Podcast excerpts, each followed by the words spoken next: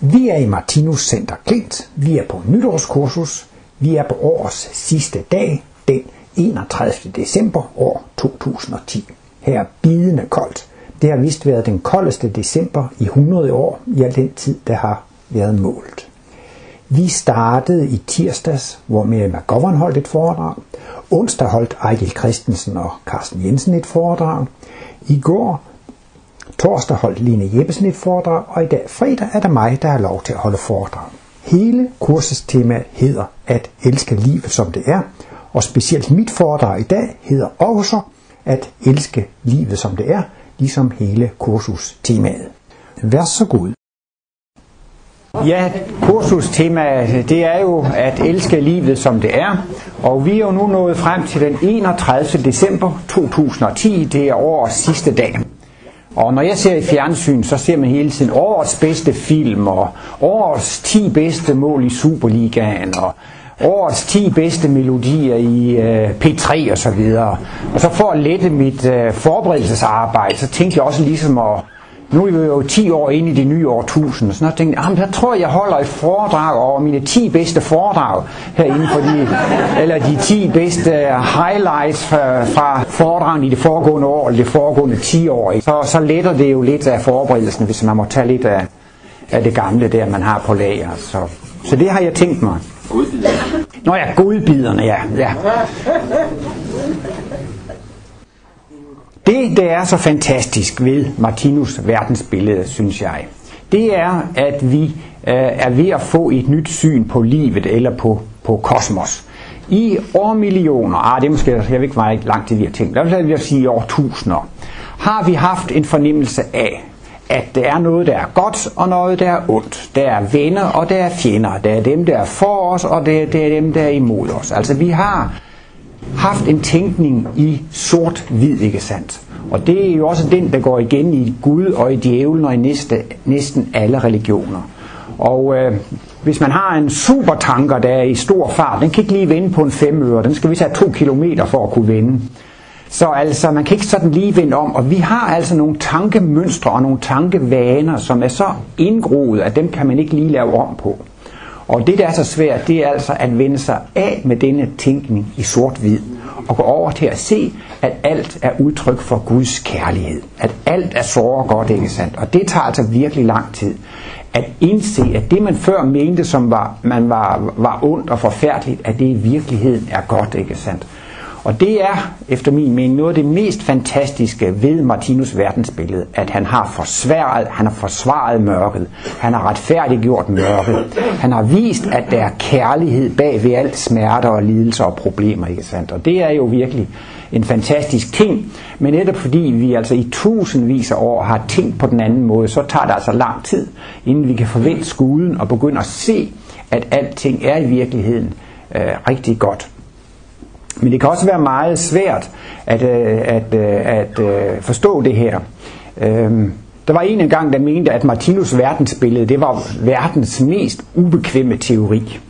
Og det ubekvemme består altså meget i, alle mine sygdomme og problemer og besværligheder, det er man selv årsag til. Og hvis man ikke vil udvikle sig meget hurtigt og højt, så ønsker man sig besvær og lidelser, fordi man skal have de erfaringer, der fører fremad. Der var en overgang, jeg holdt foredrag nede i, meget ofte i hvert fald, nede i Bonn i Tyskland. Der kom en indisk kvinde, som straks blev meget interesseret i Martinus, og hun blev jo overdænget med kosmoshæfter og småbøger osv. Men øh, efter et halvt års tid, så kom hun og leverede det hele tilbage og sagde, ej, det var for besværligt. Nej, nu vil hun tilbage til sin meditationsgruppe i Køln, fordi der kunne man meditere sig til kosmisk bevidsthed. Altså. Ja, så, fordi hun synes, det lyder så lidt for besværligt, det her med, at man, man, man udvikler medfølelsen og medlidenheden igen, at opleve egne smerter. Og, og jeg kan også huske en gang, jeg var i USA og holdt foredrag. Der var en dansk amerikaner derovre. Og han havde sådan en amerikansk ven, som lige var blevet gift. Og hans kone havde tidligere været gift med vel nærmest en psykopat. Hun var blevet slået og banket, og han var helt forfærdelig. Og hun havde fået lov til at få nyt navn og flytte til en ny stat, altså helt ny identitet, fordi hun havde været udsat for så mange forfærdelige og grusomme ting. Og da jeg så var sammen med dem, så spurgte jeg, Nå, men hvad, hvad, hvad drejer det der Martinus kosmologi som? Hvad er det for noget? Så tænkte jeg, Åh, nu skal jeg til at fortælle om reinkarnation og karma. Så tænkte jeg, nej, nej, nej, nej, jeg skal slet ikke til at fortælle hende noget om karma. Og det viste sig, at hun var kommet ind i en religiøs sekt. Hun har fået det så godt, og hun var blevet så glad. Altså hun var virkelig blevet troende. Hun har fundet en forklaring, som gav hende en enorm styrke og kraft, og hun var altså kommet godt igen. Ikke? Og der, der, der kunne jeg for en gang skyld tige stille. der skulle jeg ikke til at forklare hende noget om karma, fordi at har man virkelig en hård karma, så kan man slet ikke tage den forklaring. Og derfor er det jo også sådan set, at på lavere trin i udviklingen, hvor man har meget mere grov karma, så kan man slet ikke forklare sådan en teori. Martinus han skitserer i øh, en artikel, der hedder Søndernes forladelse. Den har været i Kosmos nummer 1, 2003. Og der siger Martinus, længere ud i fremtiden, så, øh, så har menneskene det godt. Altså de, de vil begynde at tænke over, nej, hvor har jeg det egentlig godt? Øh, hvor er min situation god, og hvor er forholdene gode, og, og de bliver glade og tilfredse, fordi, og det må man da også gå ud fra, at vi får en meget bedre karma ud i, i, i, i fremtiden, ikke sandt? Og så har jeg også tænkt på, jamen hvis nu selv man har en rigtig, rigtig god karma, alt kører i olie og så videre, alt det, så, så kommer der en og foreslår, jamen altså du har selv skabt din skæbne, du har selv skabt din situation. Nå ja, jo, men det er nok en interessant teori. Det synes jeg lyder meget rimeligt. Så jeg tror jo sådan set, at jo bedre karma man får, jo, jo lettere vil det også være at acceptere, at, øh, at man selv har været med til det. Men normalt, når vi snakker om at få kosmisk bevidsthed, så snakker vi jo som regel om, at så skal man være så kærlig og så moralsk osv. Så, videre. så, så, så når man er blevet tilstrækkeligt kærlig og moralsk og kommer på den her bølgelængde, så får man de her kosmiske glimt og får kosmisk bevidsthed. Men i den omtalte artikel havde Martinus en ny vinkling på det, synes jeg. Og der er det, han siger, at de her fremtidens mennesker, de føler faktisk en glæde og en taknemmelighed over for livet, fordi de har det så godt, og det går så godt. Og til sidst så kommer det lige frem, en trang til at sige tak for, at de har det så godt.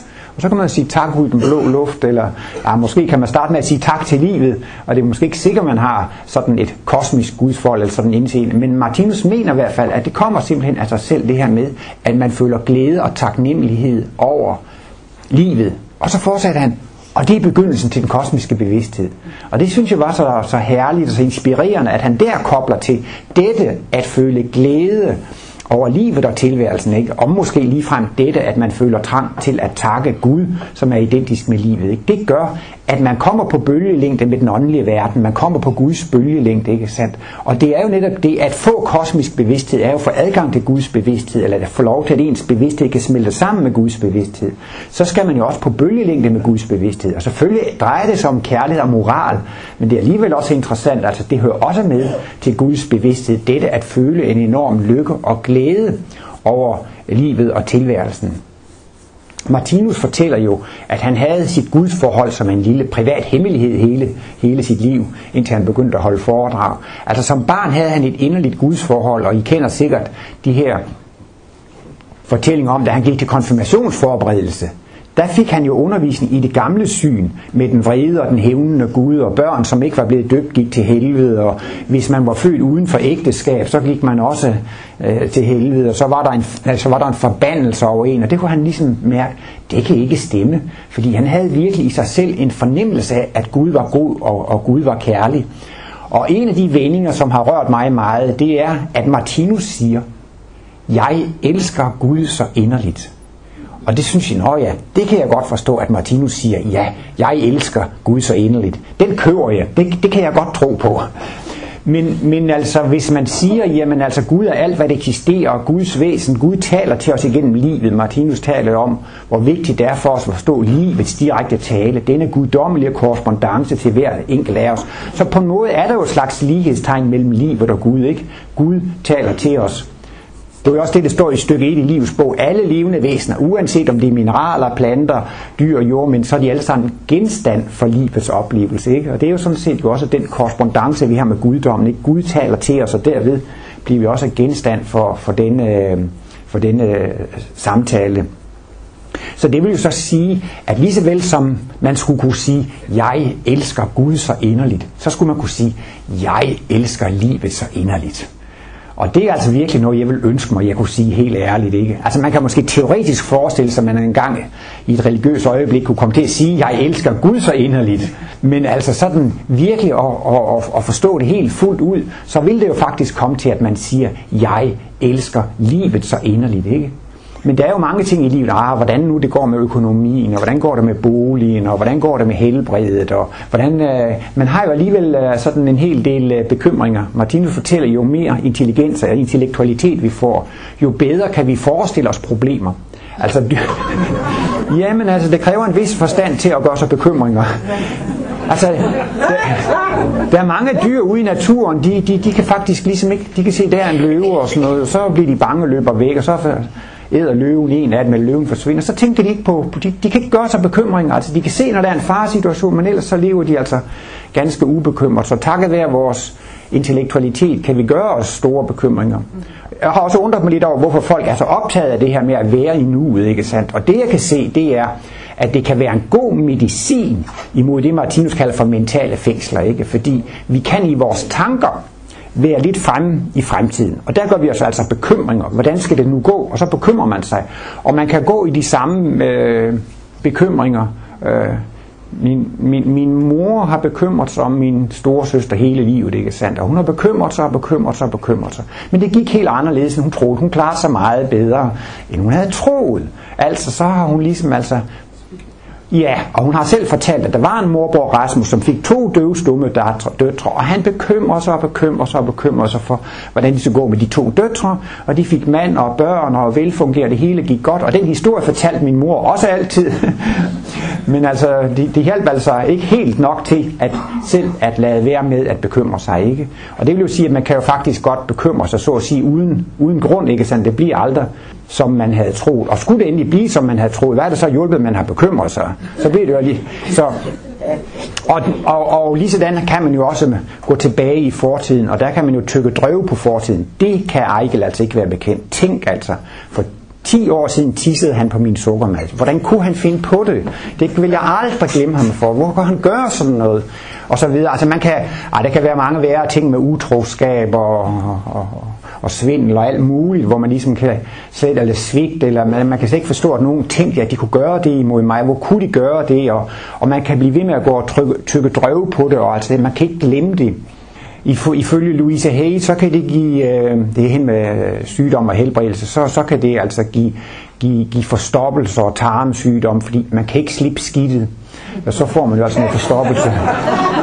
Så, så, så det gælder altså også på en eller anden måde mentalt om at, at, at slippe, slippe skidtet. Man skal ikke blive ved med at gå, gå og tykke drøve på det. Og det er jo klart, hvis man bruger meget af sine tanker på at bekymre sig om fremtiden og ærger sig over fortiden, ikke? så kommer man jo virkelig ind i et negativt tankeklima. Og der kan jeg i hvert fald godt se, at det med at være i nuet, det er altså virkelig en god medicin imod ærgelser og bekymringer, i stedet for at ælte rundt i det. Og man kan jo netop få talenter på alle mulige områder, og der kan man altså også få talent for at bekymre sig.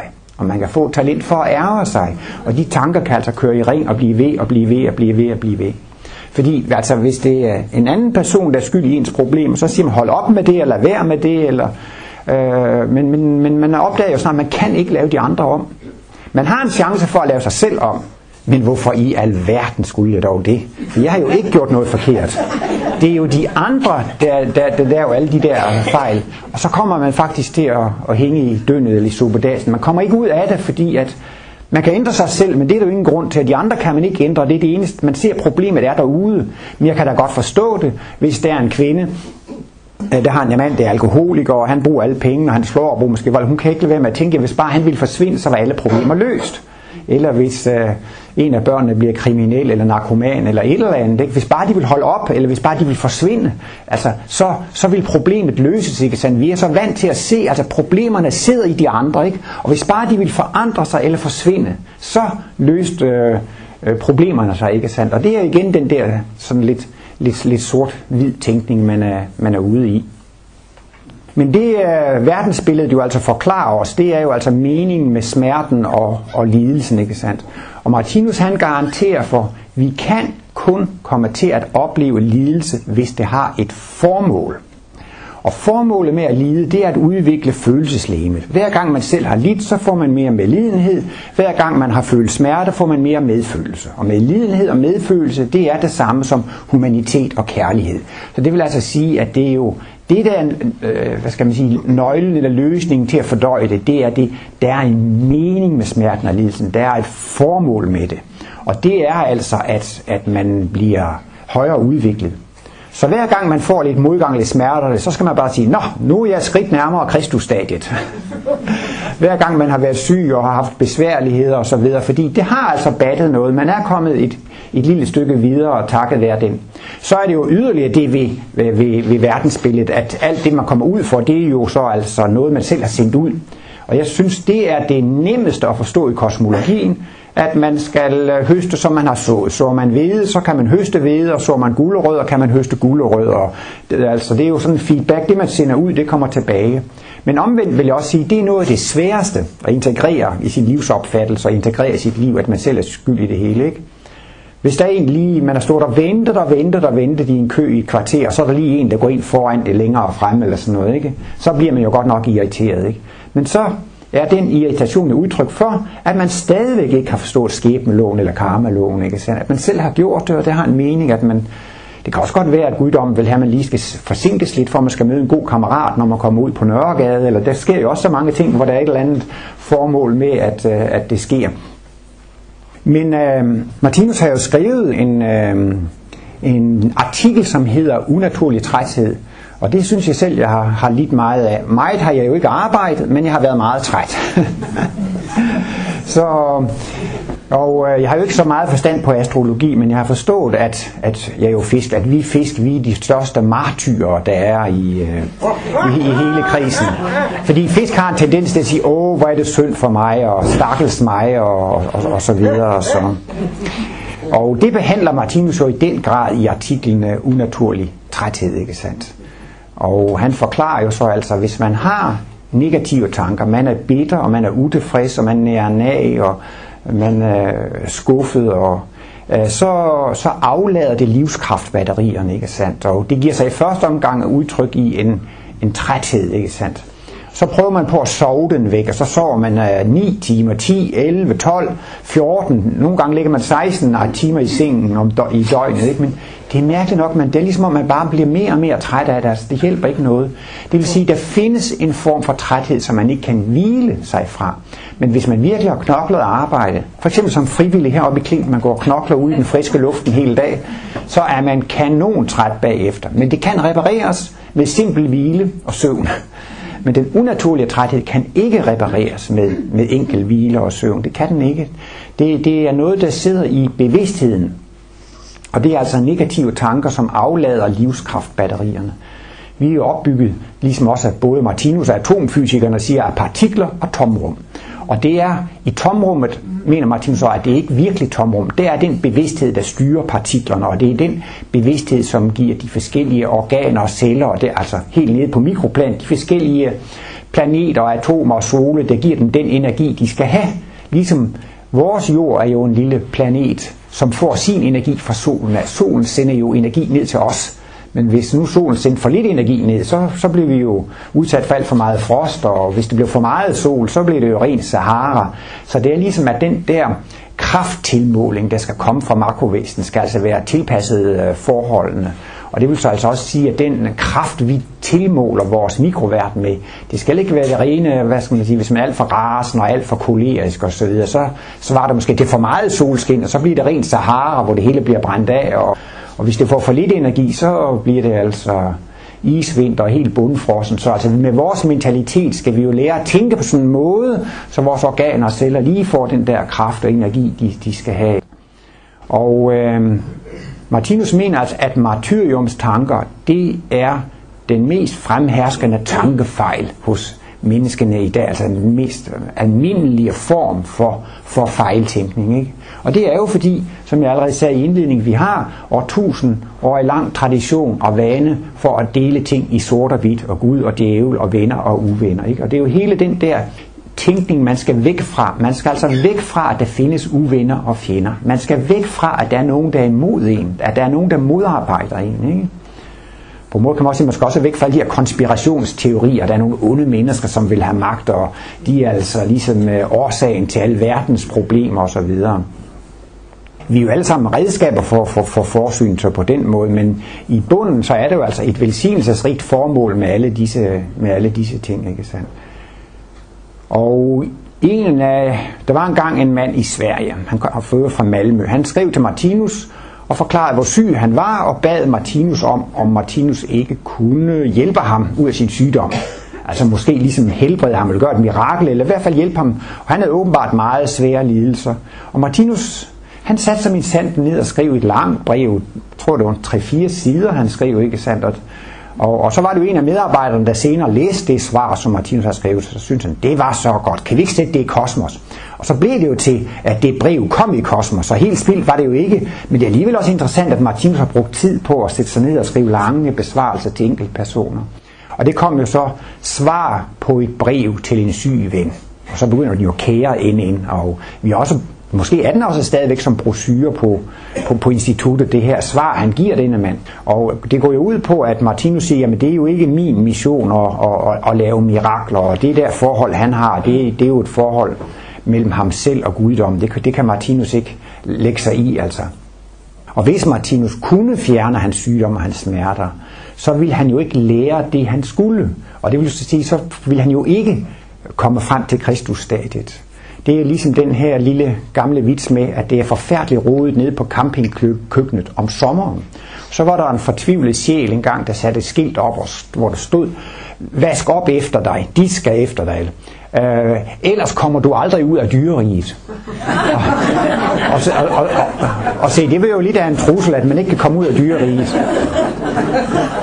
Men det er faktisk sådan, så længe man gør det, der hører dyreriget til, så bliver man jo tilbage i dyreriget. Så længe man praktiserer dyrerigets regler og traditioner, så holder man jo også sig selv tilbage i dyreriget. Ikke? Altså, hvis man vender sig til stadigvæk at blive vred og irriteret osv., det er jo også noget fra dyreriget, så kommer man jo ikke ud af dyreriget. Ikke? Men det interessante er altså faktisk, hvis man ønsker sig en mirakuløs helbredelse af alle smerter, lige så bliver fjernet, ikke? Øh, så ønsker man noget, som gør, at man ikke kan komme ud af dyreriget. Fordi hvis man ikke får lov at opleve konsekvenserne af sine handlinger, så udvikler man sig ikke, så kommer man ikke ud af dyreri. Så det er også lidt paradoxalt på en måde at bede om den mirakelhelbredelse, fordi så ville man ikke komme ud af dyreriget, hvis det kunne lade sig gøre.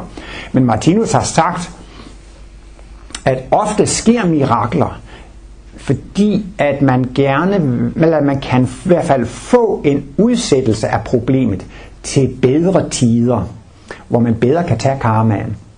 Og det synes jeg også er lidt interessant. Det kan jo være en, en periode, hvor det altså, Gud fri mig vel, hvor er det ubelejligt. Nej, men altså, at, man, at, at, at oven i alle de andre problemer, skal man lige have et nyt kæmpe problem, ikke sandt? Og så kan man måske med en inderlig bøn, et inderligt ønske, altså få den der smerteoplevelse udsat til en bedre tid. Jeg har også tænkt på, at, øh, at øh, jeg, vil, jeg har jo fået problemer i dette liv, og jeg vil få flere problemer i kommende liv. Men jeg tænker på, når den karma kommer tilbage om to-tre liv, så tror jeg, at det vil være nemmere at tage den efter at man har sat sig ind i analyserne, så kan man bedre tage den, selvom det kommer med den samme styrke, det er de samme besværligheder, det er måske den øh, samme sygdom, de samme besvær, men man har en mulighed for at tage det på en anden måde, takket være analyserne. Ikke? Og derfor kan jeg også godt forestille mig, at nogle gange, altså hvis altså man får sådan en mirakuløs helbredelse, at sygdommen vender tilbage på et senere tidspunkt, så har man måske også udviklet sig i mellemtiden, og er bedre rustet til at, at, at tage imod den. Men i alle fald, så, så er løsningen jo på mirakel, eller det der med, med og i det hele taget med healing og behandling osv., det, det er ikke det der er løsningen på helseproblemet. Løsningen på helseproblemet er jo, at menneskene holder op med at gøre det, der har fremkaldt sygdommen. Og selvom man så bliver helet og mirakuløst helbredt, ikke sandt? hvis man så fortsætter med at gøre den fejl, der fremkaldt sygdommen, så bliver man jo syg igen. Men det kan da ikke udelukkes, at man har lidt så meget, at nu har man lidt nok. Nu har man forstået det, og så får man en helbredelse. Og så holder man op med at gøre det, der er fremkaldt sygdommen. Og så er man jo ude af det, så, så er man jo, øh, så er man jo, jo helbredt. Men det man skal frem til, det er jo altså at være glad og taknemmelig for sygdom og problemer og modgang. Og det er jo sådan næsten absurd teater for nogen. Men i alle fald, hvis man lider af, af, af unaturlig træthed, så gælder det om at få nogle mere positive tanker. Og et sted, man kunne begynde, det var med at takke for gode og behagelige ting. Altså man kunne næsten gøre det sådan til en daglig øvelse og sætte sig ned og koncentrere sig på noget. Ikke? Jamen det kan jo være, at man ser en i fjernsyn, som har en benprotese, som har mistet sit ben. Ikke? Så kan man jo godt lige tænke, hvor er det dejligt, at jeg kan gå, hvor har jeg det godt. Eller hvis man ser en blind på gaden, og så kan man også tænke, nej, hvor er det fantastisk, jeg kan se. Eller Da jeg var barn, så spiste vi nogle gange over ved naboen, som var noget indre missions eller sådan noget. Og, og, og så spiste de bordbøn. Og jeg kan huske, at selvom jeg var sådan en lille dreng, jeg synes, det var så pinligt. Altså. Jeg sad og krummede tæer, når de bad bordbøn. Ikke? Men nu her på mine ældre dage, hvor jeg bliver mere fornuftig, når så spiser en velsmagende banan, så går tankerne jo til guddommen, og jeg siger, tak for denne velsmagende frugt. Og så, så har jeg tænkt på, nå, jamen, så var det jo alligevel ikke så tosset endda det der med, med at bede øh, uh, bordbønden. Og især understreger Martinus i forbindelse med bær og frugter, man kan også sige i forbindelse med intelligent design, så siger Martinus, hvad har mennesker og dyr gjort for at skabe frugter? Ingenting.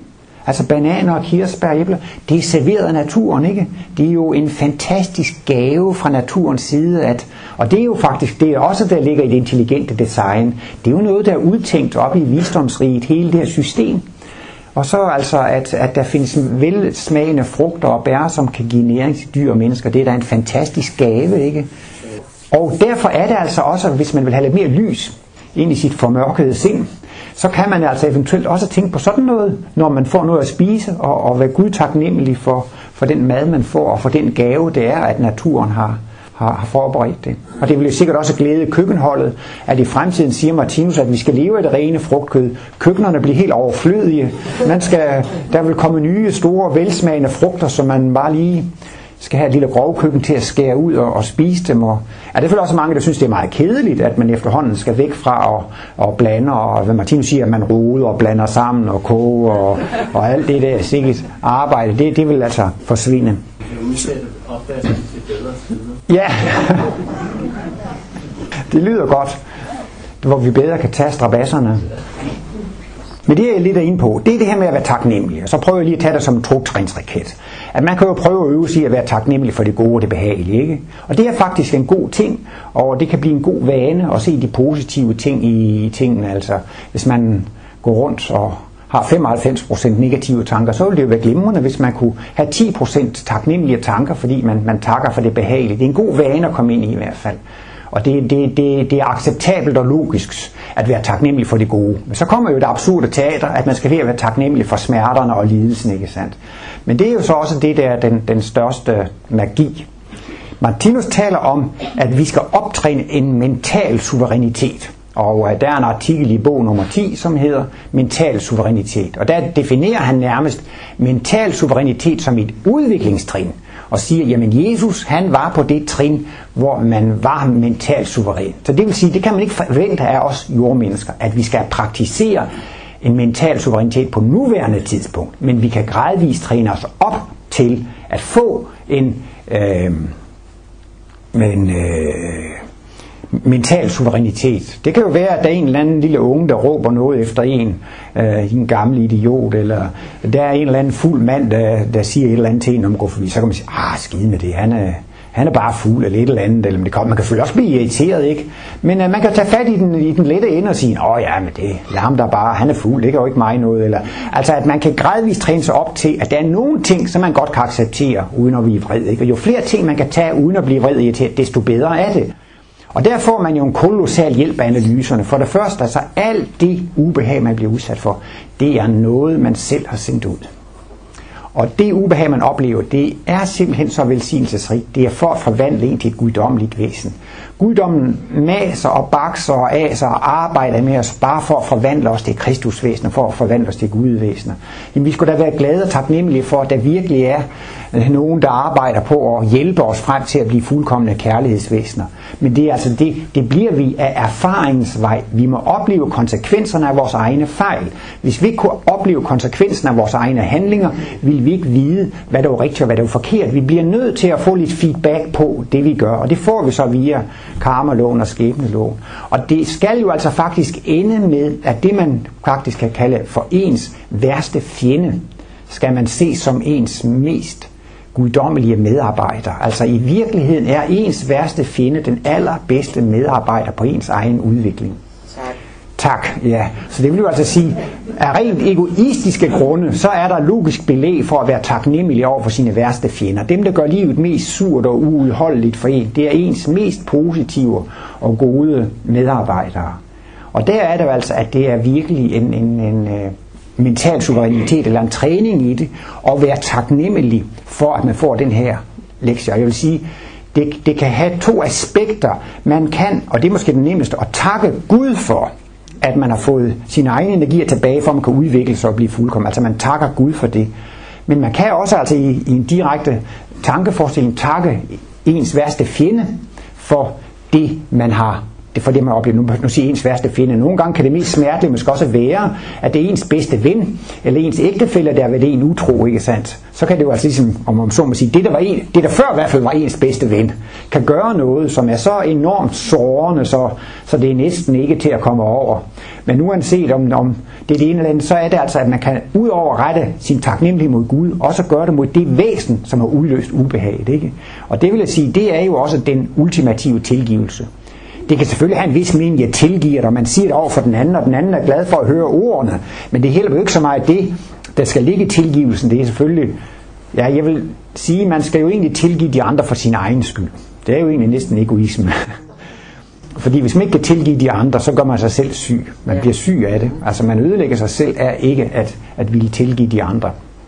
Men det kan selvfølgelig være dejligt for den anden at høre. Et, et, det siger Martinus jo også. Det er noget af det sværeste. Det er at række sin hånd frem og tilgive sine fjender.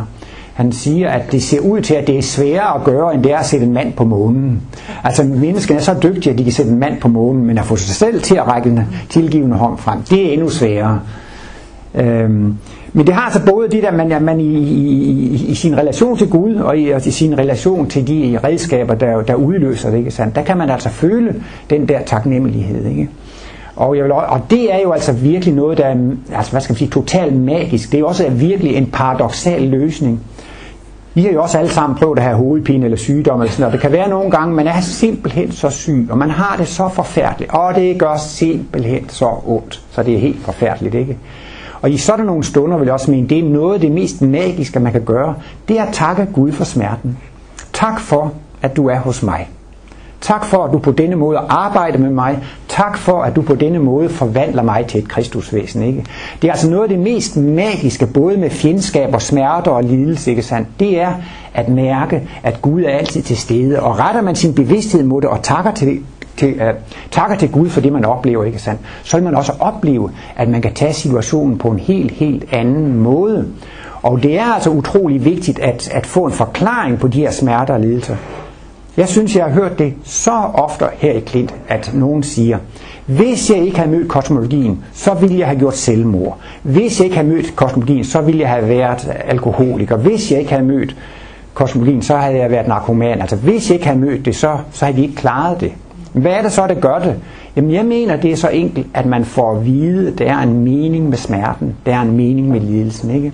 Det tager måske ikke smerten og lidelsen væk, men det giver en enorm styrke, at man kan få at vide, at der er en mening, at der er et formål med smerten og lidelsen.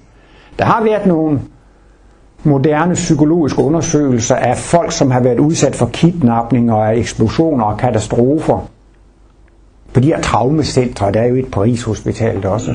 Og øh, så undersøger man jo, hvordan folk de kommer over det. Hvordan klarer de det? Og så viser det sig faktisk, at dem, der har nemmest ved at komme over det, det, det er dybt religiøse mennesker, som har et stærkt gudsforhold. Og de der, har, de, der klarer det dårligst, det er faktisk materialister. Og de har jo det der, hvorfor skulle det ramme mig? Tænk, nu gik det lige så godt, at vi skulle have børn og gift, og så skete lige det der. Altså, at de kan næsten ikke... De, de, de, det er også nogle gange, når man hører i fjernsyn, du skulle lige have, og så fik jeg kræft, altså, hvor personen opfatter det næsten ligesom, man er blevet kørt over af en bil eller en, eller en eksplosion, en eller anden anden ulykke, nu skulle man lige til at have sig godt, og så kom det. Hvor var, ja, hvor var det ubelejligt, at det lige skulle komme der. Altså, at man, øh, man kan ikke se, at der er nogen som helst mening med det, så, så kan man ikke klare det. En af de der ja, altså, personer, jeg refereret tit i min foredrag, det er en vinerpsykolog, som vist levede omtrent samtidig med Jung, som hed Viktor Frankl, som blev meget kendt i Danmark for en bog, der hed Psykologi og eksistens. Og han kom i koncentrationslejr, og han gjorde så, så sine observationer der. Og han kunne se, at det var så mærkeligt, at nogen kunne altså klare overvis i koncentrationslejrene, og nogen bukkede under næsten med det samme. Og der refererer han så til en, en, en, en case story, altså det var sådan en historie om, hvordan det gik. Og det var netop en mand, som levede for at komme hjem til sin kone, eventuelt også sine børn, det kan jeg ikke huske, men i hvert fald sin, sin kone, ikke? Og så en dag modtager han et brev, hvor hun skriver, at hun har fundet en anden. Hun vil skilles. Og så forklarer han så i bogen, det tog hun en uge, så bukkede han under. Så kunne han ikke klare det længere. Altså, han havde en mening i livet, ikke? Det var at komme hjem til konen. Og da den mening blev fjernet, ikke? Så, så bukkede han under, ikke? Det, det, det siger bare for at vise, hvor vigtigt det er, at man har en mening, at man kan se en mening i tingene. Det giver en enorm styrke. Og det er så faktisk materialisters store svaghed. De kan ikke se en mening med det. Og netop alt det her med udbrændthed og træthedssyndrom osv. ja, vil våge at påstå, det er en simpel konsekvens af et materialistisk livssyn. Materialisterne, de kommer altså til at, ja, det kan også kosmologi interesseret, alt efter hvor lidt eller hvor meget de nu har integreret analyserne, men altså det her med, at det skyldes tilfældigheder, det er meningsløst, man kan ikke se nogen mening, man kan ikke se noget formål med det, det giver de negative tanker, som man mister livskraften og, øh, og, og, og livsmodet. Så det ligger en utrolig kraft og styrke i at rette sin bevidsthed mod guddommen og, og, og, og være taknemmelig. Og den mentale suverænitet, det er jo ligesom at, at, at, øh, at, at, at elske alt, som det er. Jeg, har, jeg, var jo, jeg var jo lige ved at dø her for et par år siden, et halvandet år siden, da jeg fik sådan, jeg gik rundt med en sprængt blindtarm en 3-4 dage heroppe i Klint, og så blev jeg indlagt, og det har givet en masse besvær og, og, og lidt ekstra operationer og så videre. Og, og det er også en af grundene til, at, øh, at, at jeg har hæftet mig ved den her titel, at elske livet som det er. Og det er der måske også andre, der kender, hvis man har fået en eller anden sygdom, som har sat en noget tilbage, og man går og ærger sig lidt over. Åh ja, jamen så skulle jeg, de, han, uh, Ejgil eller Asger sagde også, at jeg skulle gå til læge, og bare jeg nu lige var god til læge der, så har jeg været fri for det, og bare jeg lige nu har gjort det, så var det ikke sket, og hvis jeg nu havde passet på, så var det ikke sket, og sådan kan man jo gå det hele igennem, ikke sandt? Men øh, takket være hele det forløb, så må mit følelseslæme være vokset noget. Takket være alle, faktisk altså takket være alle fejltagelser fra min side og fra lægernes side eventuelt osv. Takket være alle fejltagelser, så er mit følelseslæme vokset. Ikke? Så er spørgsmålet, Ole, vil du gerne have, at dit fødselslæme var mindre, end det er nu? Nej, nej, nej, nej, endelig ikke. Jeg, jeg er glad for, at det er blevet så stort, som det er blevet. Hvilket jo så faktisk gør, jamen så kan jeg ikke andet føle en glæde og en taknemmelighed for alle de fejltagelser og, og alle de ting, der er kommet. For uden det, så var jeg ikke blevet det, jeg var nu. Så det har i hvert fald været en af mine private øvelser, at elske liv, som det er. Og altså ligesom at, hvad skal man sige, at elske sygdommen og skavankerne og alle de problemer, og alt det man har gjort, altså ligesom se det fra den positive side, se, det har hjulpet mig, det har forandret mig, det er jeg glad for, det er ikke fejltagelse, det er ikke noget forkert, det er godt, at det er sket, og det var nødvendigt, at det skete, for at, at jeg kunne lære det her. Og nu der er der sådan en nytårsskala med, med tilbageblik og high, highlights, high points fra tidligere foredrag, så vil jeg nu også nævne mine tre historier fra Bibelen, og det er Abraham, og det er den fortabte søn, og det er Gethsemane. Og alle tre historier har efter min mening noget til fælles, og det er altså, at man, man, man, man oplever faktisk et mirakel i det øjeblik, man retter bevidstheden mod Gud og takker Gud for det, ikke sandt? Og det her med at elske livet som det er, det er jo altså også det samme som at, at, at, at elske Gud, som Martinus siger. Abraham, han var jo en Guds frygtig mand. Han var jo en god mand, og han skulle så vise sin troskab over for Gud, så han blev sat på en prøve. Og øh, det han skulle vise, det var, at han var Gudtro. Og han skulle give afkald på det bedste, han havde, hvis Gud ønskede det. Og så ønskede Gud, at, øh, at han skulle give afkald på sin søn Isak, den ældste der. Det var jo altså det kæreste, han havde, ikke sandt? Men han var villig til det. Og øh, han samlede så noget, var der noget pindebrænder og sin slagtekniv og forskellige ting, og så drog han på ekskursion med sin søn, og sønnen han spurgte vist nok også, hvor, hvor er geden henne, der skal ofres, eller sådan noget, men nu stille dreng, nu går vi videre. men så kommer de op på bjerget der og, og, og anretter bål og så videre, og Abraham, altså han lægger simpelthen an til at ofre sin søn, fordi det var det Gud ønskede, at han skulle gøre, ikke sandt? Og eftersom han så virkelig ville gøre Guds vilje, og, og var villig til at gøre det, så lyder der så en, en røst fra himlen, at det behøver han ikke at gøre. Men der er en, øh, en, en, en gedebuk, som har filtret ind i en tørnebusk, den kan han så tage i stedet for, og så skåne sin søn. Men altså, i det øjeblik, han er klar til det, jeg gør Guds vilje, ikke sandt, så sker der et mirakel. Så bliver han altså fri for det, ikke sandt. Og jeg tænker, det er bare sådan et eksempel, jeg har. Hvad nu, hvis 3. verdenskrig kommer, så er det ikke mad nok. Ja, så må man jo i gang med at hamstre. Nu skal jeg have 100 dåser konserves og 5 sække ris, og jeg ved ikke, altså man begynder at hamstre og gøre alt muligt, og hvis, hvis man var i situationen, ville man også, måske også begynde at hamstre, ikke? Og vi er slanke. Men det, der ville ske, det var jo så, at hvis der var nogen, der ville dø af sult, så var det jo de dumme, der ikke havde hamster. Så dør de jo af sult, men de andre, de, de, de overlever jo. Men det, man egentlig gør der, det er, at man siger, jeg vil min sanden ikke dø af sult. Jeg er ligeglad med, om de andre dør af sult. Så har man jo ikke prøvet at mærke det på sin egen krop. Men hvis man havde den anden indstilling og sagde, ja, er der nogen, der skal dø af sult, så, så vil jeg hellere have det af mig, end at det skal være nogen andre. Jeg kan ikke leve med, at der er nogen, der dør af sult, og jeg har øh, have noget at spise. Så kan man sige, nej, jeg vil altså ikke hamstre, jeg vil, jeg vil lade de andre få maden. Ikke? Og hvis man så virkelig kom på prøve i livets skole, så er jeg sikker på, at hvis man virkelig af hjertet har den indstilling, at man hellere vil selv sulte ihjel, end at andre skulle sulte ihjel, så vil man få den mad, man skulle have for at overleve.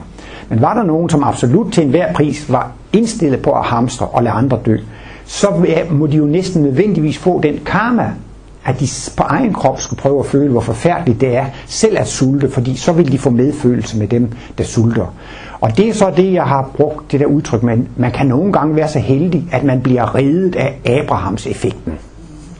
Altså det vil sige, at nogle gange kan man blive reddet for at skulle igennem med ubehageligt. Altså jeg tror også nogle gange, hvis der er et eller andet, der optræk til, jamen altså, du mister din ægtefælle, du mister dit hus, du mister dit arbejde. Og så siger man, ja, så lad det ske, så lad det ske. Altså, men hvis man ligesom klamrer sig til sit hus, eller til sin ægtefælle, eller til sit ah, det er en kæmpe stor ulykke, hvis man mister det, så vil man måske tit komme til at, øh, til at miste det. For, for ikke så lang tid siden hørte jeg et Krishnamurti-citat, og der var nogen, der presser ham på, hvad er din hemmelighed? Hvad er din hemmelighed? Han var jo sådan en vismand. Så sagde han, min hemmelighed er, at jeg er ligeglad med, hvad der sker, i don't care what happens. Jeg er ligeglad med, hvad der sker. Og det er jo sådan en anden variant jo, af at sige, jamen må Guds vilje ske. Det der, der sker. Der er også en dansk vismand, som hed Alfred Sørensen, som også er blevet kendt under navnet Sunyata. Jeg, ved, jeg har læst en bog om ham. Han er næsten samtidig med Martinus. Jeg tror, han var fem år. Nej, de, de er næsten samtidige, og han havde også den samme øh, intuitive, eller næsten den samme intuitive barndom. Han kom til Indien og var vismand og så videre. Nå, men det, skal nu ikke, det er ikke så meget tid på at komme ind på ham. Men han sagde bare, jeg accepterer alt, der sker. Jeg accepterer alt, der sker. Og Krishnamurti, I don't care what happens. Og det er jo faktisk en, en, en lidt mere filosofisk eller vismandsstil at ligesom sige, jamen, ske ikke min, men din vilje. Og det er jo også det, jeg ved, at det er kommet meget langt frem i terapien rundt omkring, ikke sandt? Øh, altså også er materialister, ikke sandt? at man må acceptere, at tingene er, som de er. Altså hvis der er en eller anden problem og konflikt, så er der nogle gange, så må man bare starte med at sige, du må acceptere, at du er fyret, eller du må acceptere, altså man må simpelthen gå ind på, på at acceptere, at, at tingene er, som de er. Men altså jo længere man kommer af den vej, ikke sandt, så kommer man jo faktisk til, til sidst til at sige, jamen det der sker, det er jo altså, det er jo altså Guds vilje. Hvis man har et arbejde, man er, man er, man er glad for, Nej, jeg tror nu heller, jeg vil sige, at man har et arbejde, man er meget, meget, meget ked af. Og så, så beder man om at, at slippe for at få det der arbejde, og man slippe fri for det, ikke sandt? Men hvis man så lægger til, men ske ikke min, men din vilje, ske ikke min med din vilje, så er det måske Guds vilje, at jeg skal tortureres på det her arbejde 5-10 år mere. Men hvis man så selv har sagt, ske ikke min med din vilje, ikke? Så har man selv været indstillet på, jeg vil gerne fortsætte her, hvis det ikke er andre muligheder, og det er det, der er det bedste for min udvikling, så vil jeg gerne fortsætte her. Ikke?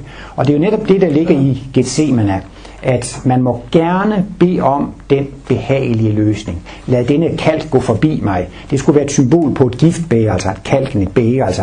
Man beder om at slippe for at skulle tømme det, det bitre drik, den bitre bæger. Altså at man beder om at slippe for problemet. Men ske ikke min, men din vilje. Og lægger man det til, så kan man aldrig blive skuffet. Der er jo mange, som har forladt kirken, fordi de tror ikke på Gud. Det er en mor, som har en datter, som er syg. Og hun har år efter år, i 5, 10, 15 år, hun har bedt om, at datteren skulle blive rask, og hun er ikke blevet rask. Så kan man godt forstå, at til sidst begynder hun at tvivle på Gud, ikke? Nu har hun bedt intenst flere timer hver dag i 15 år, og datteren er ikke blevet rask. Og sådan er det jo mange, som har følt, at det passer ikke det der med Gud, for de har bedt om det, ikke sandt? Men det er så altså, man kan sige, garantibeviset for, at enhver bøn bliver opfyldt, det er, at man slutter af med at sige, men ske ikke min, men din vilje. Ikke? Og det betyder jo faktisk også, at dermed giver man også en accept af det, det sker. Jeg accepterer, hvad der sker. Jeg er ligeglad med, hvad der sker. Altså nogle gange kan det jo være næsten lidt absurd at sige, at jeg er ligeglad med, hvad der, accepterer, hvad der sker. Det er nemmere at sige, at jeg er ligeglad med, hvad der sker, fordi jeg ved, at det er Guds vilje, der sker. Så kan man ligesom have en intellektuel baggrund for at gå ind i at, at acceptere alt. Og det gør også, at man kan lære at gå igennem verden uden frygt. Man behøver ikke at være bange for noget som helst. Hvis man vil lære at gå igennem verden uden frygt, så skal man dyrke den her bøn, Fader, ske ikke min, men din vilje. Det kan godt være, at det bliver utroligt ubehageligt, ikke? men man ved, det er nødvendigt, og det har et formål, og, og, og det vil hjælpe osv. Så, videre. så der kan man virkelig gå igennem verden med en stor tryghed. Nå, men det var den anden historie med den fortabte søn. Det var jo også, at han fik udbetalt sin arv og gik ud og, og soldede og gik på værtshus og bordel, og jeg ved ikke, hvad han har spillebule og hvad nu det kan være. Altså han har simpelthen øget hele formuen væk, og til sidst så lå han i mudder, og pløret og spist af grisenes tru. Og øh, så i denne, det er også et symbol på den værste problem, den værste situation, man kan komme i, så tænkte han, ej, så havde jeg da alligevel bedre hjemme ved far. Og så vender han så tilbage til faderen med en helt ny holdning. Han beder om at blive den ringeste tjener i faderens hus. Han beder ikke om at blive direktør og få en vellønnet stilling eller så videre. Han beder faktisk bare om at blive den ringeste tjener. Hvis bare der er ét menneske, jeg kan hjælpe. Hvis der bare er et eller andet toilet, jeg kan gøre rent. Eller hvis der er en eller anden kloak, jeg kan rense. Eller ligegyldigt hvad det er. Altså, man, sagen er, man ønsker at være et plus for helheden. Ligegyldigt hvad det er. Bare jeg kan hjælpe helheden med noget. Bare jeg kan hjælpe guddommen med noget. Ikke? Og den indstilling, det er altså også mirakuløst. Ikke? Den ældste søn var jo godt havde jo nok forestillet sig, at han skulle hjem og have en ordentlig, øh, hvad hedder den, en ordentlig skideballe. Han skulle rigtig have skæld ud, fordi han havde øget hele arven væk. Ikke? Og så blev der holdt stor fest. De slagtede endda fedekalven, altså tog det allerbedste og en kæmpe stor fest. Ikke?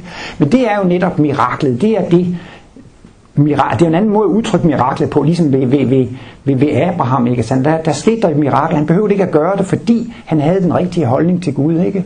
Og det er jo så også det, der er vist med, øh, der ved, ved den fortabte søn, altså der sker miraklet, ikke?